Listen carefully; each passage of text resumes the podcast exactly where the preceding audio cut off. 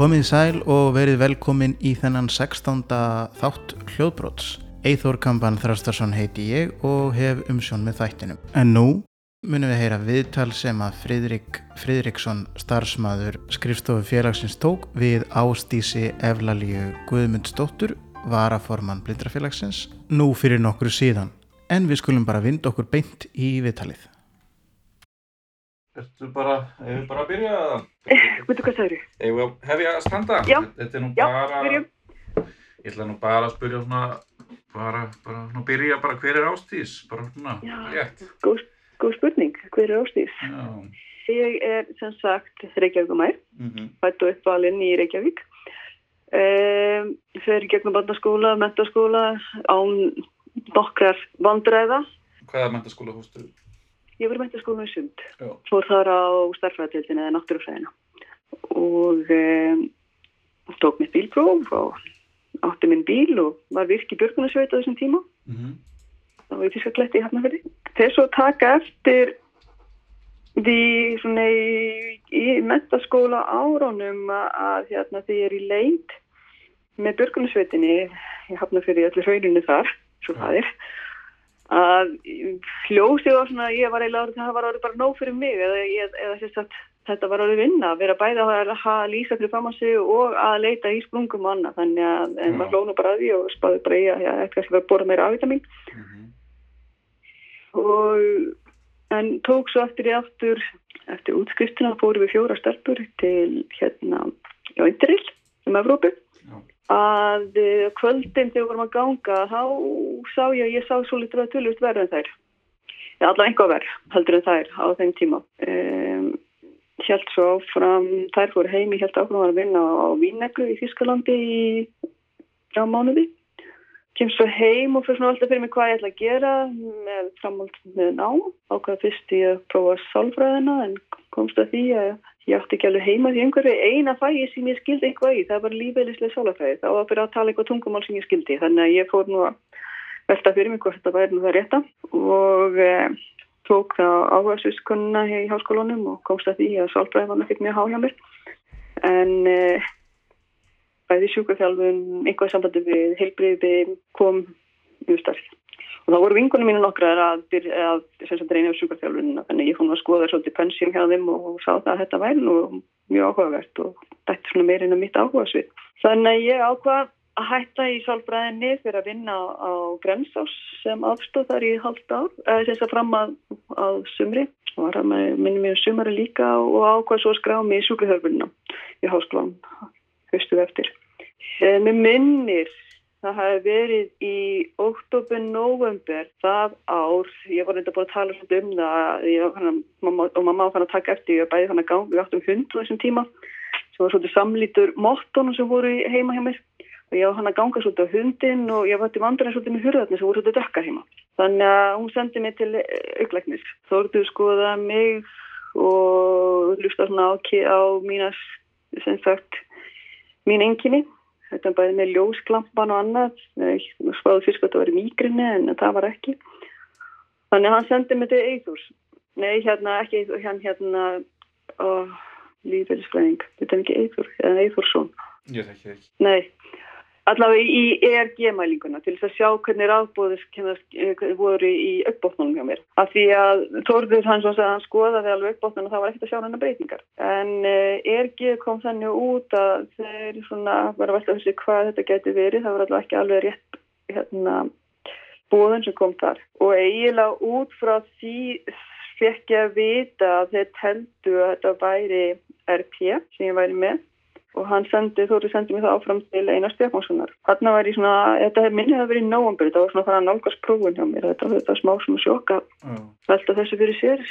Þetta er 92, maður sé að 92, 93, Já. einhver stað á tíbilinu sem að ég er að, að fá þau að svona fyrstu kynnin mína af RP. Mm Um, ég tók mér samt það ákvörðin strax að þetta að ég ætlaði sem sagt að, að hérna, þetta ætti allavega ekki að koma með í það að að ég færi að líta eitthvað svart á lífið eða, eða þá að, að gefast upp á hlutana þannig að ég held áfram og brutt en um, gekk ekki alveg með klásins þá það vantar ekki mikið upp á að ég kæmist inn þannig að, eh, ég ákvað strax að, ég ætla að reyna aftur við klásusinn næsta vittur. Uh, var grunnilega hérna það var alveg fullur hugur hvað það var það. Þannig að ég dreif mig á þessu tíma þá var semst farin að vera hjá Einar Stefánsinni hann var búin að skoða mig á svona fleirum þeir voru ekki alveg viss, ég út af aukbótlanum hjá mér þeir voru ekki að sína þessar pigmentbreytingar. Þannig að það var ákveð að senda mig út til Boston til uh, Elio Bersson minni með hann heitir til að fá betur útskur hvort þetta sé erfið eða hvort það var eitthvað annað. Um, ég fyrir þangað og jújú, jú, hann sagði að þetta er svona mjög snemt á, sagt, á þessu ferli. Það var ekki orðið mikið breyting, eða engi breyting í aukbótmánum en ERG-mælingin og annars síndi fram á það að þetta væri erið til. Mm -hmm. Og hérna, þannig að það var orðið staðið fyrst á. E, Næsta haust ákveði samt ákveði, jú, minna þetta er kannski ekki það best að læra sjúkraþjálfun eða sjóknum fyrir að nýka. Þannig að ég fyrir með fullan hug í námið og gekk bara mjög vel. Ég var þriðja hæðist inn. Mm -hmm. Þannig að ég fann alveg þetta var, mér, mér fannst þetta mjög skemmtilegt, námsefni sem var að vera að fara í gegnum. Og útskrifast svo e, 98. Það ákveði við, svona vorum hann að hugsa út að ég og kærast minn eigi maður minn núna hvað sem okkur langar að gera, það var svolítið ferðarhugur í okkur, okkur langar að, að hérna, kíkja eitthvað út um, og um, það var svona spurning Kanada eða Nóriður en við vorum svona detta meira inn á, á Nóri þar sem að það er næ hættir en Kanada, fjölskyldinni en það voru svolítið fjöllin og snjórin og þetta sem við vorum svolítið að horfa á náttúran. Og þetta var lítil hýta hús sem við byggum í sem að þau hefðu tekið gegn. Og þetta var allt í þessum gamla norska stilnum svona, með allt í tré, það var trégól, tréveggir, það var kamína þarna inni, það var eina sjálfsveits almennilega hitakerfi sem var í húsinu, það var kamínum sem var í stofinni, þetta var lítið hús.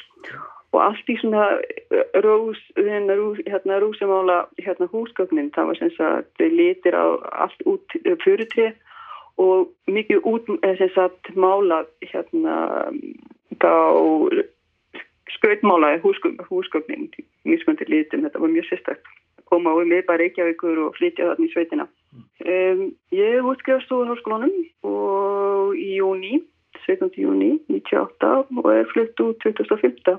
júni og ég og maður hörðu kom heim og svo fórum við saman og tókum hundin með okkur hann fekk að leifa okkur að með flytja út í Norris sem allismellur, pensjonist og flyttum hann inn í sveitina Nú var hann að koma inn á markan, hann gæti hlaupið inn á markan sem sjúkarþjálfar í Nóri, það er alltaf annað kerfi, það er kótakvæð kerfi, hversu margi sjúkarþjálfarar sveitafélagi tekur að sér hvernig stað. Mm -hmm. En eh, svona prófa ímislegt annað var að hjálpa til á hótelurinn sem var inn í bænum og annan.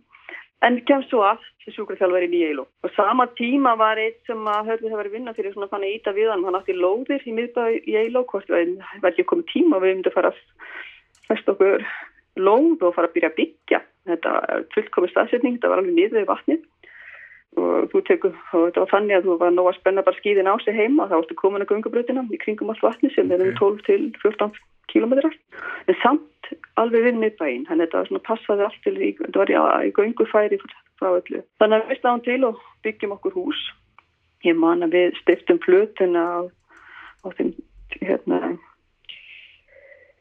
í september, 11. september 2001 á þeim degi. Ég man það sérstaklega því að, að sá sem að stifti blötuna fyrir okkur að vinnur hans var út í New York og það hringdi í hann akkurat með að þetta var að gerast. Já. Þannig með, með e, týparatöfning. Mm -hmm. Við eigum þeirra ástráðuka, það er ekki náma 21,5 mánuð að millið þeirra. Okay. Það er að segja, ég hengum elsa strákin 2006 í oktober og týpurarni fæðast í ágúst 2008. Þeir voru ekki alveg sátti við þessar dagsetningu sem setta þeir átt að koma byrjun óttaböður en það er ákvað komast fyrr. Það er svolítið mikið fyrr. Þeir koma alveg átt að vikum undan á allin. Og, eh, og vera með þrjú, þrjá litla gaur og hafa mjög og vera með húsnæði sem er aðlaga vel að það, það hjálpaði mikið. Já, en það er annað sem ég fekk líka.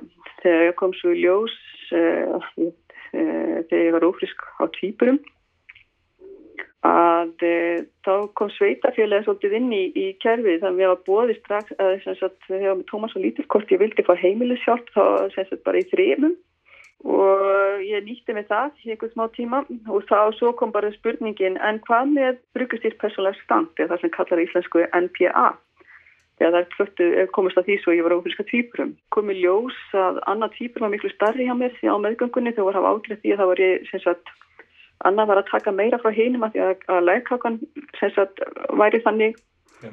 Já að, að þannig að annað væri dominerandi yfir þannig að hann fekk allar næringuna og hinn ekki.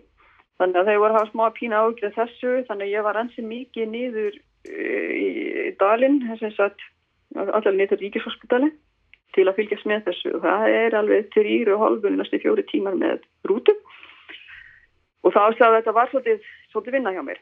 Já. Þannig að, og, og, og þannig ég svona hugsaði máli, ja, þetta gekk nú fínt, en, en þegar Ég var svo lögð inn að því að uh, vatni fór hjá mér þannig að ég fyrir aftur að koma í oktober í júli þá er ég lögð inn á Ríkshospitali þar sem vatni var að fara að leika oh. og þá alveg bara heyrði ég ok, ég hef ekki komið tíma á eitthvað svona þannig að það verður aðstof heima fyrir líka og ef þú þarfst að aðstofa sagt NTA Og til að byrja með, þannig upphafi, þegar þetta, allt þetta ferli fór í gang, þá var ég með maður stelpum 7,5 tíma dag, 5 dag vögnar. Já, ok. Týpurinn að fæðast þetta 8 viku fyrir tíman. E, eftir viku á Ríksvarspil kemur ljós að annað týpurinn er með hjertakalla, eitthvað stóran. Það er fyrst upp á milli hólfana. Þannig að pluss það þá þurfti ég að vera svolítið áfram niður frá því ég vil ekki senda mig heim með þá fyrir en ég ætti að vera cirka að fæðast við samsett í oktober, þannig ég var þannig ansi langan tíma.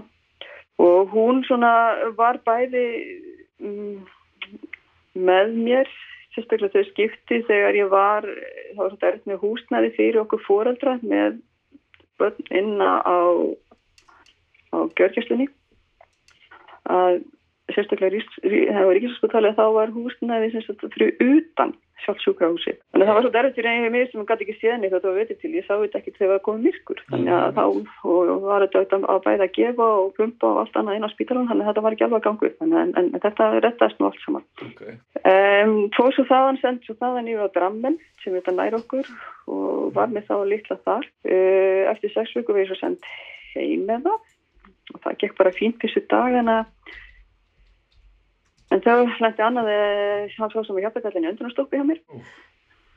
Þannig að það var, það kom sér vel að hafa í björgunarsveit, þannig að ég gætt blásið lífi í hann. Mm. Og við vorum sandi, það var eitthvað ekkert flugveðu viður akkurat hérna.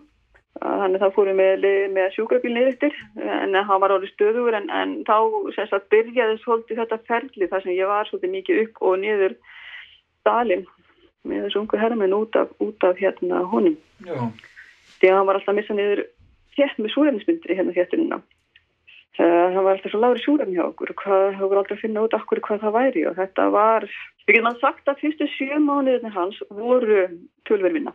Tökja hann bán að kom í ljós, það var ekki náttúrulega manna, þá lendi, þá voru þetta bæði dramisjúkjus og, og ríksinn ekki sammála með málið Rammen held alltaf að það væri eitthvað með lungun líka, eða eitthvað síking í gangi en e, svo var ég sendt til að smeta hjarta hjá honum á ríksinn og þá kom ég ljósa hefði hann þarf að fara að gott lista því að það var bara að vera stekkun hjartan hjá honum. Mm. E, þannig að hann var skorinn líka mána og þetta er útrúlega tækni þegar það er sett lítið góriðarspút í gatið, mm. bara eins og er í góriðarskólanum og því gatið lokað og aðgjörn gekk mjög vel nú svo er bara allir, nú er þetta bara gæði, nú fyrir þetta allt að ganga, nú verður þetta ekkert vandamál, þannig ég fyrir með hann heim, svona þegar það er tilbúin og ekki gengur.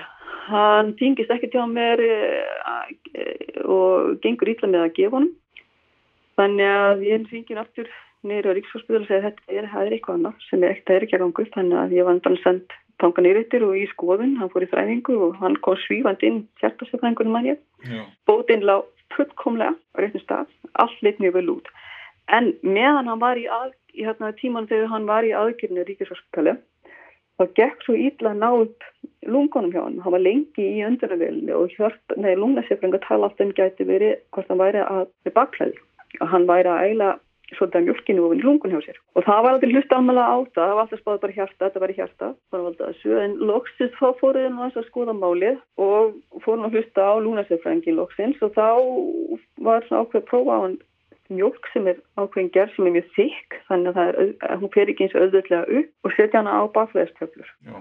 Og þá allt í hinnu, þá við erum að tala um, sko, þá er hann að vera sjömána, þá fór þetta allt í henn að ganga. Okay.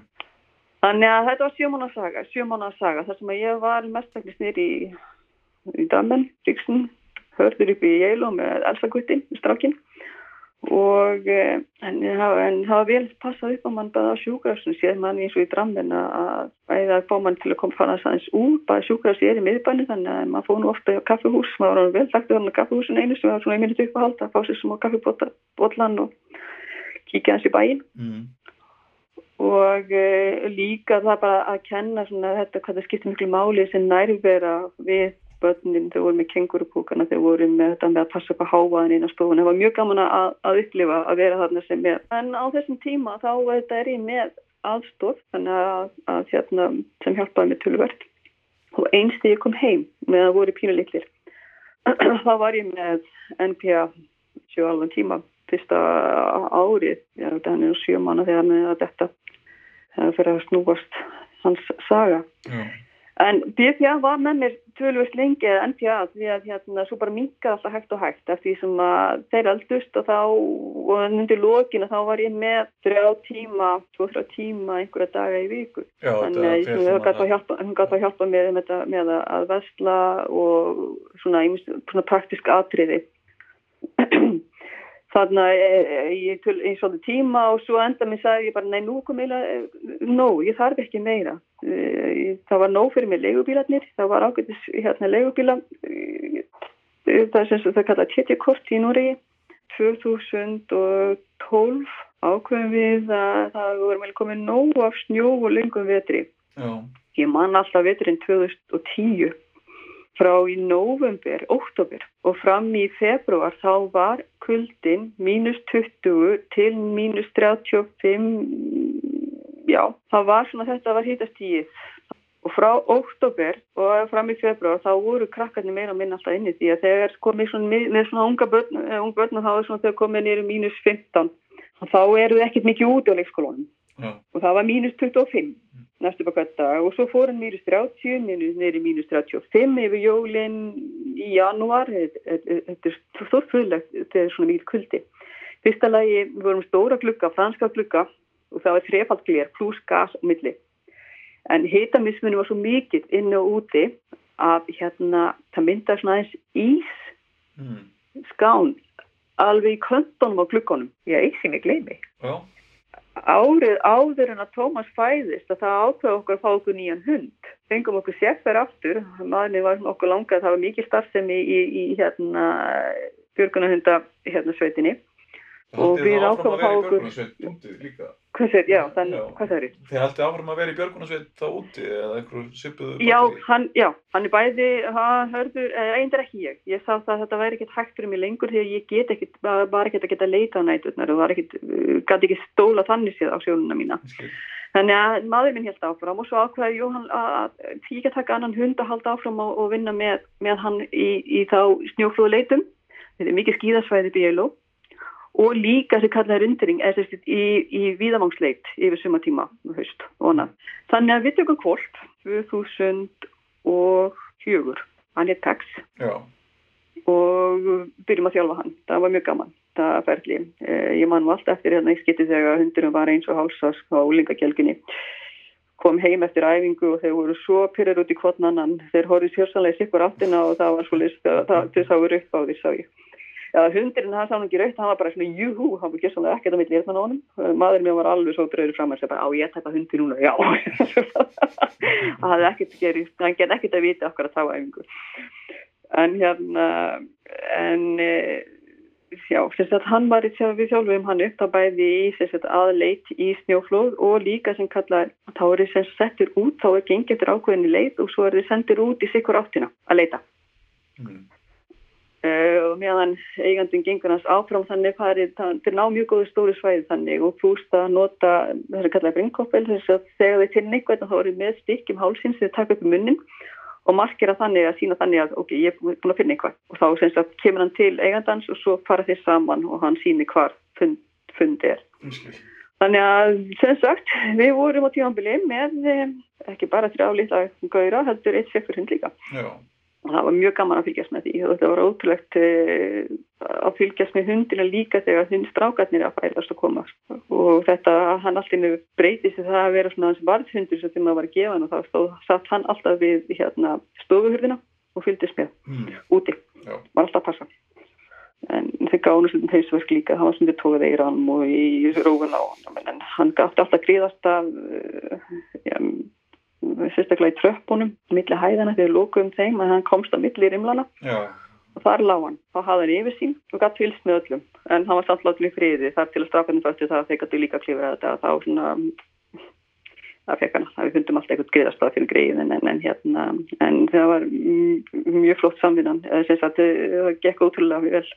En við vorum alltaf mjög meðvitu um það. Við vorum í stóran hund og við vorum með unga stráka þannig að það voru alltaf eh, þeim. Já. En uh, já, þarna 2010 þá var sem sagt mikil kuldi, mikil innivera og svo sem ég segi, þetta fyrðulegur þessi kuldi, þessi ís sem sapnaðist þarna inn á glukkana hjá okkur. Og þetta var mikið skemmtum hjá þetta að- að íta og búa til munstur og hundinu líka, þannig að það var fullt af svona lítum svona nebbasporum og, og puttasporum okkur þetta í þessu öllu saman. Og svo að, að heldur maður að taka vatn í fötu og, og kasta upp í loftið úti í 30-35 stiga frosti og þá, þá kemur bara snjóf niður. Já, það var hægt. Ok. Það er hægt. Það þurftu auðvitað að prófa það og búa til í snjó, eða svona ljósker með því að fylla vassfötur. Þetta var óa gaman hjá okkur að gera eitthvað svona þetta í nýtt kuldan þannig en maður gæti ekkert farið út. Það var rúsalega vitt. En eh, einn hann um jólinn 2010 þá gáðustu upp, maður með fór við byggum alveg niður við vatni þannig við vorum sko en, uh, bara, uh, það var ekkert hús þannig sem mikið að nakkurat uh, fyrir neðan okkur, á vatninu en samt opið svæði þannig að við kvöktum bál þar Já. tókum fram hreindilaskinn okkar og, og röltum með gaurinu það niður eftir, grillaðum pulsur, það þetta hiti frá eldinum og gáttum setið þær í svolítið tíma og aðeins hérna það notið þess, það gerðum við stundum bara til þess að komast aðeins út. Þannig að um, bara aðeins að brjóta upp alla Já. hreinumuru. En um, 2012 ákveðum við vorum eiginlega búin að fá nóg af öllum þessum snjó og stuttu sumri. Þannig að við ákveðum að færa okkur niður eftir, niður að lálendið um, og upplefa svona annað ákveðbáðan hjá strákunum líka voru, jú, það er gaman að vera á skíðanum, við vorum, við elskuðum alltaf að vera í gungaskíðan, við vorum gaman, mikið gaman að því. Aðeins minna í brekkunni þannig séð. Uh, alls við strákunum fann að svolítið áhuga sundinu, það var ekki mikið um sund sjálfun á þennan svæði, það var aðalega fókbaltinn og, og, og skíðin Já. og okkur langar svolítið að upplega meira vorið, norskt vor, þetta með allir blómstrun og annað, þannig að við seljum húsum okkar, flytjum niður í Vestfossin sem að er við Drammen, eh, 20 minnir frá Drammen, það vil ég eiginlega að við skilum sagt að er saman millir Kongsberg og Drammen, þetta er, við erum komið 50 minnir frá Oslo, mjög veðursvælt svæði. Já. Uh, við getum sagt svona eh, að meðaltali er ekki nema 1-2 metrar á sekund vindurinn á þessu svæði Já, ok. og þegar kemur fyrir upp í 5 metrar á sekundu þá er eiginlega bara vandviður Já. og sumar í hlýtt og notalegt veturinn mildarinn en, en það er samt snjór yfirleitt, yfirleitt snjór þannig að maður getur fara á skíðin, gungaskíðin. Það var auðvitað svolítið erfitt að flytja frá húsinu en, en við fundum það að það var orðið tíðanbært okkur langað að prófa eitthvað annað. Þannig að við finnum húsnæði í vestfósun og leigjum. Það er við vorum ekki viss hvað við vildum gera. Við okkur, getum hugsað okkur að byggja þetta niður frá, og svona, vildum aðeins svona taka pólinn og sjá svona hvernig strákaðin aðeinslu skólanum annað. Þannig að hérna, þetta var nýtt hús og e, mjög bjart og fínt. Það eina þá voru þetta gluggarnir. Það var svo óbústið byrsta sem kom um gluggan. Ég fann að þetta var, um, þetta var mjög, svolítið, mjög erfitt. Já, þetta er einmitt, já, og líka, og náttúrulega dvelur kannski neista tíma inn á heimiliðinu, svo að það það er eiginlega, það er eiginlega mjög mikilvægt að það sé í lagi. Ég bæði það en því ég fann það, sko munurinn, nú var ég að vinna all árum mín upp í og, og vera með heimili sem ég var þægilegt og, og aðlaga þannig að það var ekkit álag á mér þar þannig að það var ekkert mál að fara inn í vinnuna. Hlúst að vera með strákana. Reyndar, með, og sérstaklega þegar ég var með aðeins aðstofuna líka þannig að NPA þannig að ég gæti nýtt hann aðeins með mér í suma hluti. Um, með þau voru sem allra minnstir. En, en hérna en ég fann muni sko því niður eftir þar sem að þó hafa þetta mikið hjálp ég bara geta skerma glukkana þá vantaði svölust upp á byrstuna það sem ég var. Innan, innan, innan hús þannig að, að ég held ég uh, hafi sjaldan en aldrei verið eins mikið með höfuljus og höfðinu akkurat með því bjóðamenni frá Já. og þá fann ég alveg greinilega sko, hvað það var erfitt að, að hafa ekki það, þá nógu byrsti sem ég þurfti og, og hérna hafa nákvæmlega kontrastar sérstaklega í fyrir íbúin sem ég byggum í en byrstan var þannig, maður var alltaf að leita eins og þetta að fara inn í herbyggnastrafgóðum og finna hlutina e, það voru sérstaklega herbyggin átti að vandra með. Það var e, þvóttahúsi e, þvóttaaðstöðuna var svolítið erfið. Þannig að það tók svolítið að manni það var okkur sem ég saknaði í húsin sem við hefum byggt í Geilo. Ég get alveg sagt það. Ég því. en e, þannig að og, en, en hérna og sérstaklega því að sko svo flyttjum við e, eigandi í húsin sem við legðum fyrst hann þurfti svo að fara að nota það Við vorum svona að fann að velta fyrir okkur að flytja heim á þeim tíma þannig að við vorum ekki búin að taka nöðu ákvörðum með að fjárfesta. Þannig að við legðum annað hús sem var 200 ára gammalt, þannig að rétt hjá. Alltaf við erum svolítið sjarmið, mér alltaf finnst þessi sjarmið en þessi gömlu hús og langaði svolítið að, að þetta var stort og fínt þannig séð. Þannig að við ákvæmum að flytja þanga svona þannig að styrta tíma, við vorum eiginlega búin að taka ákvörðun að flytja heim á þessum tíma. Sáum að hérna og þá var ég ekkert að vissinast með gluggaðan eitt annaf og, og um, það var þetta enda minni byrsta þannig sé þannig að ég fann það að fyrir því. Þannig að þetta var ma maður lærið að meta þetta að fá þessa hjálp til þess aðalega heimili sitt. Já, en þú segir og því að við erum búin að ákveða að fara heim er eitthvað sem veldur eða? Það er, við getum sagt að bæði fóreldri mínir og, og móðir harða voru þetta að vera fullorinn mm. og maður sá svona fann að þau svona og í landi var það vissan hatt þannig að kalla svolítið á mann líka. Og svo var líka hugmyndinni okkur hvað ætlaði að gera með strákana? Ætlaði að alaða yngangu upp í norsku umhverfi eða ég var að leifa um upplefa Ísland líka? Þannig að það voru þarna svona noktið þættir sem voru svona farnir að, að hafa áhrif og maður sá það líka að, að hérna það væri svona fyrir fóröldi okkar væri voðalega gott að, að vera nær mm. nær þeim, þannig að, að e, það var svona þrýtsættir eiginlega sem spiluði þarna inni að við ákomum að fara heim e, það var svo sem gott því að við, við flytjum heim í júni 2018 og tengdamamma hún deyr í oktober sama ár mm. þannig að við fengum hana nokkra mánuði með henni þar sem við vorum flutt heim, hún var, hún var úslána þegar hún var tókum þess að ákveðum, hún alveg, hún lyftist upp á stólnum, það er bara, jæja, loksins. Að fá barnabötnin og að fá okkur heim. Já. og um, þannig að það var en um, En þið ákveða að fara á til Selfoss, er hvaða liggur á baki því? Já, Selfoss. Já.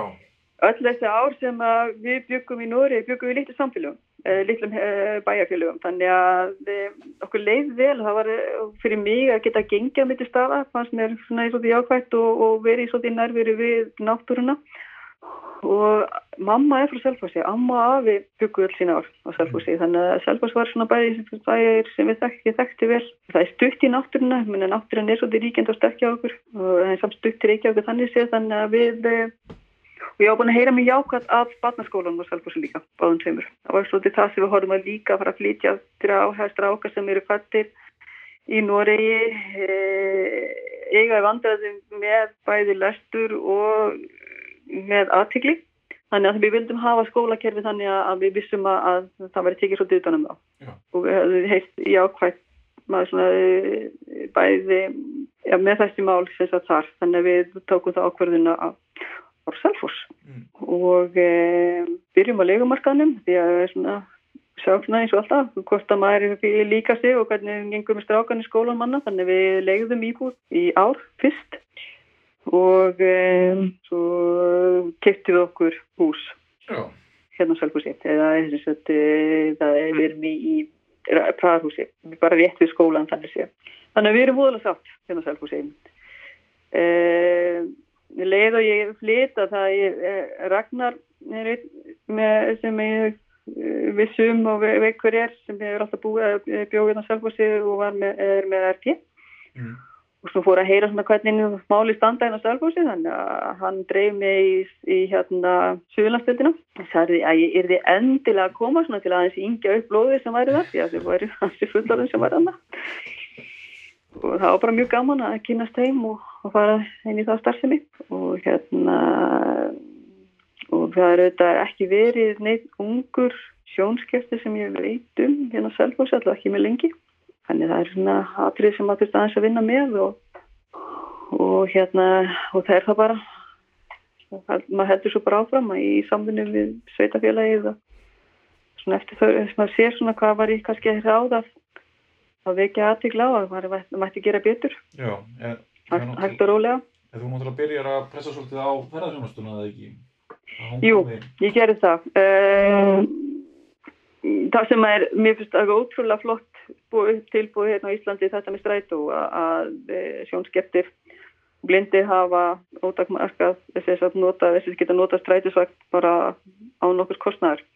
Bæði innabæjar og, og fyrir utan. En uh, ég átti vandræði með inn í Reykjavík til dæmis að koma með til staða ef maður var að fara með strákan til læknis eða, eða bara hitta foreldra sína eða fara að hitta vingja vinkon sem búið í Reykjavík að ég var, það var eitthvað sem ég veigraði mig við að það var að fara til Reykjavík og nota strætókjöfi innan bæjar. Ég geti sagt að það var breyst mikið frá því að ég var að nota það hérna í gamla daga. Og ekki bara það, ég fann að líka það var oft eins og yfir vetratíman að koma sér svo frá þessi strætó stoppar og tanga sem ég ætla mér að fara. Það gæti undir verið þannig svona stressfaktur líka. Að, eh, og ég sá skilgrinningin eh, að, að það var ekki bóðið upp á þetta að, taka en nýta sér fyrir þjónustu blindrafélagsins inn á Stóreikíksvæðinu þannig að ég þurfti svolítið að hafa fyrir því að koma því í gegn en, en og fekk smá og fekk aðstof þá hérna lögfræðingana hjá Mhm. blindrafélaginu en uh, endan gekk það bara mjög fínt og, og er komin inn í, við erum komin inn í það kerfi en, en þetta er ótrúlegt og tægilegt að geta nýtt þetta að tekið strætó sem sagt frá Selfossi nýri njótt og vera það búin að panta leigubíl sem getur svo komið áfram þángar sem ég þarf að fara og ég get slappað af, ég þarf ekki að fara að stressa mig strax bara leiðin frá Selfoss til Reykjavík ok, ég þarf að taka þennan strætó og hvernig ætla aðstæðan að sé til þess að koma svo frá Mhm. strætó og þángar sem ég ætla að fara og reyna að finna út úr finna út úr því. Þannig að það er mjög góðum málum. Eh, Það er ekki svona kannski aðeins að vinna með tilbúð fyrir með leigubílana innan árburgar. Já, Það er svona eitthvað sem við þurfum að taka svona einhvern tíma hægt og rólega. já. Er það að, svona, hérna, er það svona meðal verkefna sem eru svona í vinslu? Já, svona ég, ég hef áhuga á að- að vinna svolítið með, með það áfram því að það hafa alveg komið upp að ég hef ekki getað farið, maður minn vinnur í, í, í, í, hérna Garðabænum stjórna það fyrirtæki, eh, með fyrirtæki þannig að hann er oft uh, langi dagar í honum og það hefur alveg gert að ég hef mista bæði foreldra fræðslu, foreldra fyrirlestrum og ímsu öðru sem eru kannski að komið í myrkur og í sérstaklega vetra tíman. Mm. Ég get nota leigubílakerfið milli 8 og 6 á daginn á virkundugum Mm. það, og ekkert um helgar. E, til dæmis það að mér langar að fara í jógatíma á sunnudegi þá verð ég að borga það alfæri sjálf á leigubílum. Þannig að það er svona æ, og, og sérstaklega að, að þetta get ekki alltaf, minni, alltaf hátíð með maður getur ekki alltaf verið að stóla á fóreldra annara barna hvort þið getur fengið að sitja með eða, eða hérna, maður minn sé heima til þess að geta farið að einhvað sem mér, langar að fara. Eða jafnvel á bara einhverja líkasvættistöðin og það er kannski tími sem er klukkan 5 að veitir til og, og það er orðið myrkur eða 6 og er búin klukkan 6 og ég þarf að koma heim. Þannig að, að það er svona ég sé að og eins og ég hef verið að hitta einhverju stelpur og, og það er að kvöldi að verða það háð manni mínum öðrum til þess að ná í mig. Já. skuldmið, það er, er ekki alveg alveg það, en, en ég hef svo sem rétt á ferðarþjónustu fallara á kvöldin en þá fyrir ég að panta það með dagsfyrirvara. Um, og ég veit að það er tilvægst álag á því kerfi en, ég sem segi, ég hef ekki konar að prófa það en þá en, en, en hérna ég veigra mér einhvern veginn við það. Já, það hittir, búið að þægilegt að geta bara að fara í leigubílunum til mína ég get sett upp í hvaða bíl sem er ég þarf ekki, ég er ekki að sitja um hjólastól þegar ég þannig er sérstakann bíl til þess að koma mér á milli staða. Nei. Þannig að við segjum, maður getur alveg prófað það fyrst en, en þetta er svolítið þingra kerfi alls saman og, og tölvur stýrara hef ég skilst mér fyrir sveitafélagi þannig sér. En við, eins og segi, þetta er svona kemur hægt og rólega að skoða. Já, er ykkur fleiri svona á sjóndeldarringnum? Eh, við erum svona aðeins eh, bent sveitafélagin á mikið því. Nú erum við að fá nýja miðbáða selfossi og vorum snemma í að láta vita að, að skipti máli þetta með aðgengi. Og bentum svolítið á það bara með, með post, bref, brefarskriftum að hérna að vera svolítið vakandi og það skipti máli að taka það strax. Það er mikla hagstæra og ódýra fyrir samt, uh, sveitafélagið að vinna með það strax í byrjun þannig að þurfa að gera einhverja stórhættaka breytingar eftir á. Þannig að það er vonandi að það hefur verið tekið. Eh, maður að segja, þið hafi gilið svona það sem það var að benda á. Gerir það. Og ætla að vera mjög gaman að, að kynna smiðbænum nýja þegar það, þegar það kemur. Já, það er ákveðlega spennandi já, En hvernig er það, og ertu að eh, starfa sem sjúkraþjálfari núna eða? nei, ég hef ekki farið inn á atvinnumarkaðan en þá í byrjunu þá var tók ákvað ég að gefa strákunum haldur þann tíma sem þau þurfa. Þeir eru að koma bæði inn í, inn í Íslands skólakerfi eh, komast inn í íslenska málfræði Mm. sem er nú algjörst torf.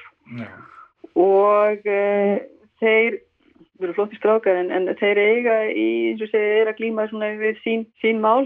Um, að hérna þannig ég ákvaða að gefa þann tíma sem þurftu bæði til þess aðstóða heima fyrir og, og bara fylgja þeim eftir mhm, og ég fann það alveg hérna, hef alveg fundið fyrir því að vera að vinna sem fullu starf sem sjúkarþálfari og vera með ungbötna að þetta er tölvast álag og vera svo bæði með sjónskerringu og hirnaskerringu. Ég er nýkomi greininguna össur. já, ok. Þannig að ég er með tvö skinnfæri sem er ekki alveg virka. Þannig að e, hún að glíma svolítið við hirnaskerringu í, í þannig sem mörg ár og ekkert spáð mikið í það. En kom svo í ljósa þegar maður bent á að við ætti kannski að fara að prófa hirnatæki og prófa hirnatækin og þá bara svona, ó já, ok, það vantaði svolítið upp á hirnina hjá mér. Já, ok. að hérna þá er þetta, þá er bara þetta að koma sér frá ATB oft bara tölverk krefjandi og, og að fylgja börnunum eftir með heimanám og reyna að geta horfa á þau verkefni sem þeir eru að gera og þann tíma sem þeir þurfa. Þannig að eh, ég hef alveg einu sinni gengið á veggin þar sem að ég ætti að, já, maður vera bæði með stórt heimili og svo að hafa mjög gaman að vinnunni minn og get ekki sagt nei. Mm. Það gekk ekki alveg upp hann tímanbili. Þannig að mér ákvæða það tók ég það ákvörðin að frekar að gefa strákanum svona tíma og svo að rólega koma mér inn á vinnumarkaðan aftur í, uh, og hérna skoða hann, ég er alveg þannig að skoða hann. En það er kannski ekki alveg rétti tími núna niður COVID að að reyna að koma sér inn á markaðan sem mitt. Þannig að- Svolítið erfið starfstjætt í því á þessum tíma. Já, þetta er hérna, þetta er mikla takmarkanir eins og er, þannig að, að þetta gefum þessu tíma. Minn tími kemur þar. En hvernig er með hérna, húsnæðið? Ertu byrjuð að aðlaga það? Nei, það er lítið. Já. Um, uh, hvað maður að segja? Akkurat þar hefði ég, ég sakna þenn stuðning sem við höfum með í Nóri að þetta er svo með, eh, með lýsingu.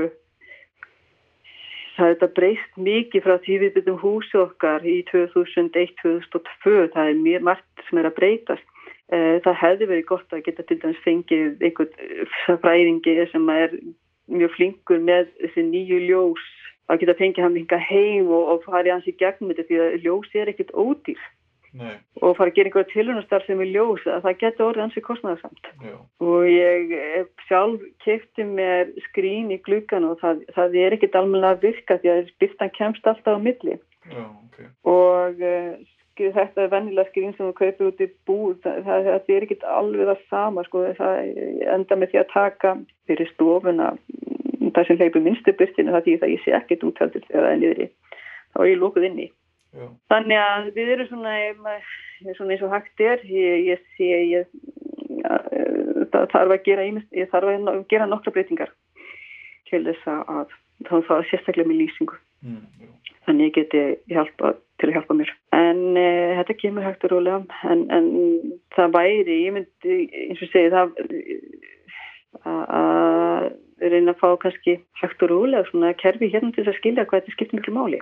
Já, perur og annað svona lýsingar, lý, samband við lýsingar fari inn í bara hjálp, hjálparkerfi, Já, ég, hjálpartækjakerfi. ég hjálpa hérna á landinu, bæði það og þetta með gluggana.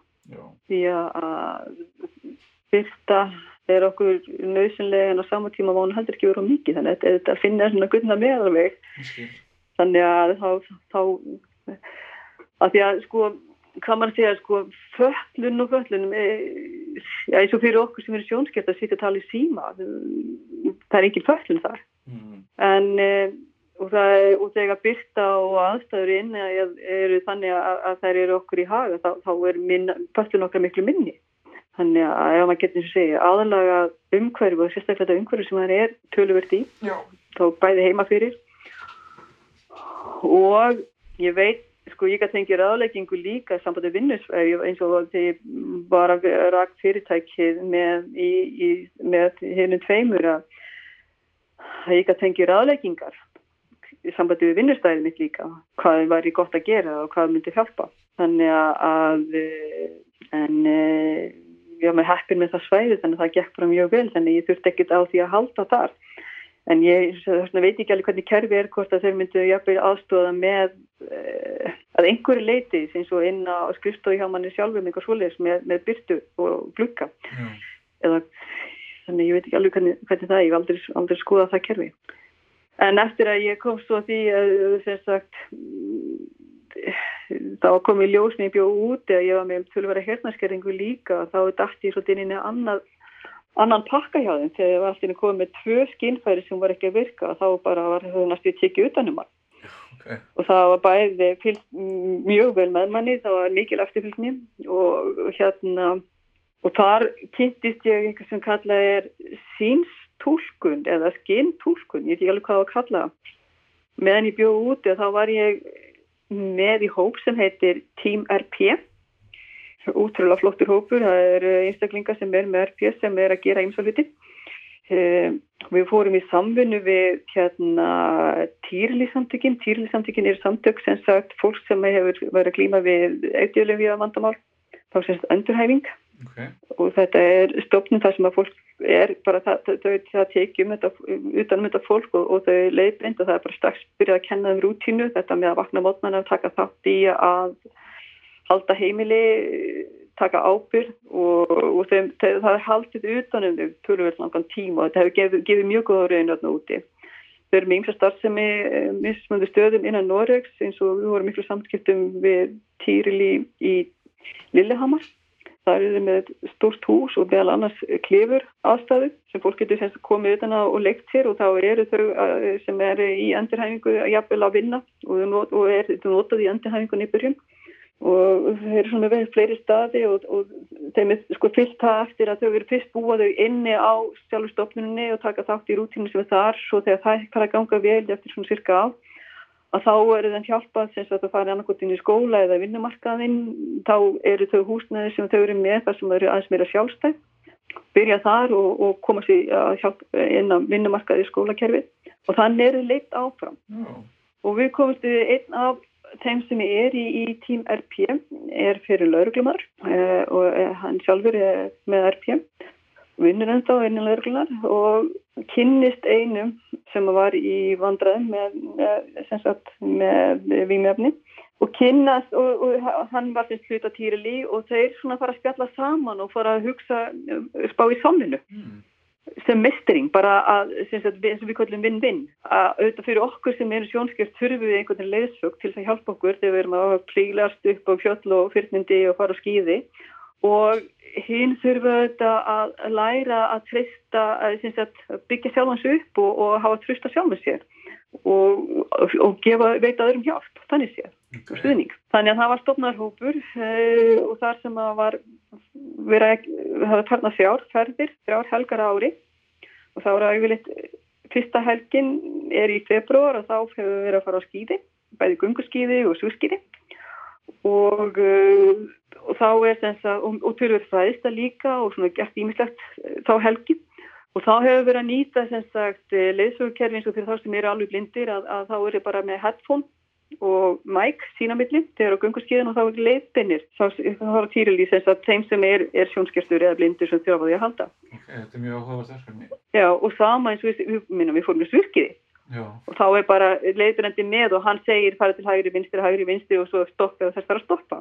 Ja, bara virkilega gaman. Og svo er einn helgi mitt sumar og það fóru við eh, bæði að hérna tengslu við vötn og þá vorum við að sykla á kranóum, við vorum að prófa að hanga aftan á að svona, að dekki aftan á hérna bátum og svo mikið að vinna með tröst og það var auðvitað mjög áhugavert hérna fyrir okkur sem að sjá mikið neitt er þetta bara akkurat að brúna yfir lítið mál uh, fyrir hins kannski sem að hafa þurft að vinna svolítið með sjálf að sér þá var þetta ótrúlega flott að koma sér á kantinum og geta farið niður. Já, Þannig að þetta var, þetta var eh, mjög uppbyggjandi fyrir báða hópana. Svo hefur alltaf farin einn stórferð á haustin. Við hefum farið upp á hæðstakall Norður Evrópu eða hérna Galubíkin, gengum þar upp mm. og það var ótrúlega flott afreg. Já, hann er grófur og köflum, þetta er auðvitað Hartberg sem er hana, en, en upp fóru við yfir jökulinn og allaveg på toppin og niður áttur. Það voru hana nokkur með össur sem eru með í Team RP og þau voru þrjú, fjögur sérstaklega. Og öllum þessum ferðum þá voru þau með hvað maður að kalla skintúlk og plústúlk. Sem hverju notuðu tankmál líka. En það, ma maður sóftist eftir því að setja alltaf sem þau voru að því tólkarnir þeirra þau tölu líka eins og þegar maður kom inn í herbergið að það útskýrði fyrir hvernig herbergið var, hvert fólk var þegar maður settist við þegar voru samanlega matur og ef maður settist við borðið þá útskýrði hverju sátu við borðið. Þau voru útrúlega duglega að muna nöfnin og finna út hvað heitir þú og, og svona það var svo þægilegt að vera í kringum og ég við vorum úti í náttúrunni að þá tólkuðu þau svolítið umhverfið. Já, og ég man eins og þegar við fórum hérna eitt sumar þá vorum við upp í Yale og vorum í dagali og vorum að rafta. Við fengum að fara í annað þar eh, þá sem við erum rafting, mm. gaman. Já, og sitja í bát og vera með tólkin líka það, það var rosalega gaman. Já, þannig að maður lærði svona ímislegt það er ímislegt er nýta. Það er bæði með orðum og svo er oft með tafn á bak standa það fyrir aftan einstaklingin og geta gefið ákveðin tafn og svo auðvitað er líka með bara takkmál þeir sem að sjá ennþá og, hafa þess að byrja með heildanskerningun lengi nýta takkmáli þannig líka. Þannig að þetta var mjög gaman því. kynna svo. Ég var svona að detta inn í þetta kerfi rétt árið flytt heim því ég er eiginlega að fá það er eiginlega komið ljós hvað sem mikið heyri ítlaðna síðasta árið sem ég er býðað núti.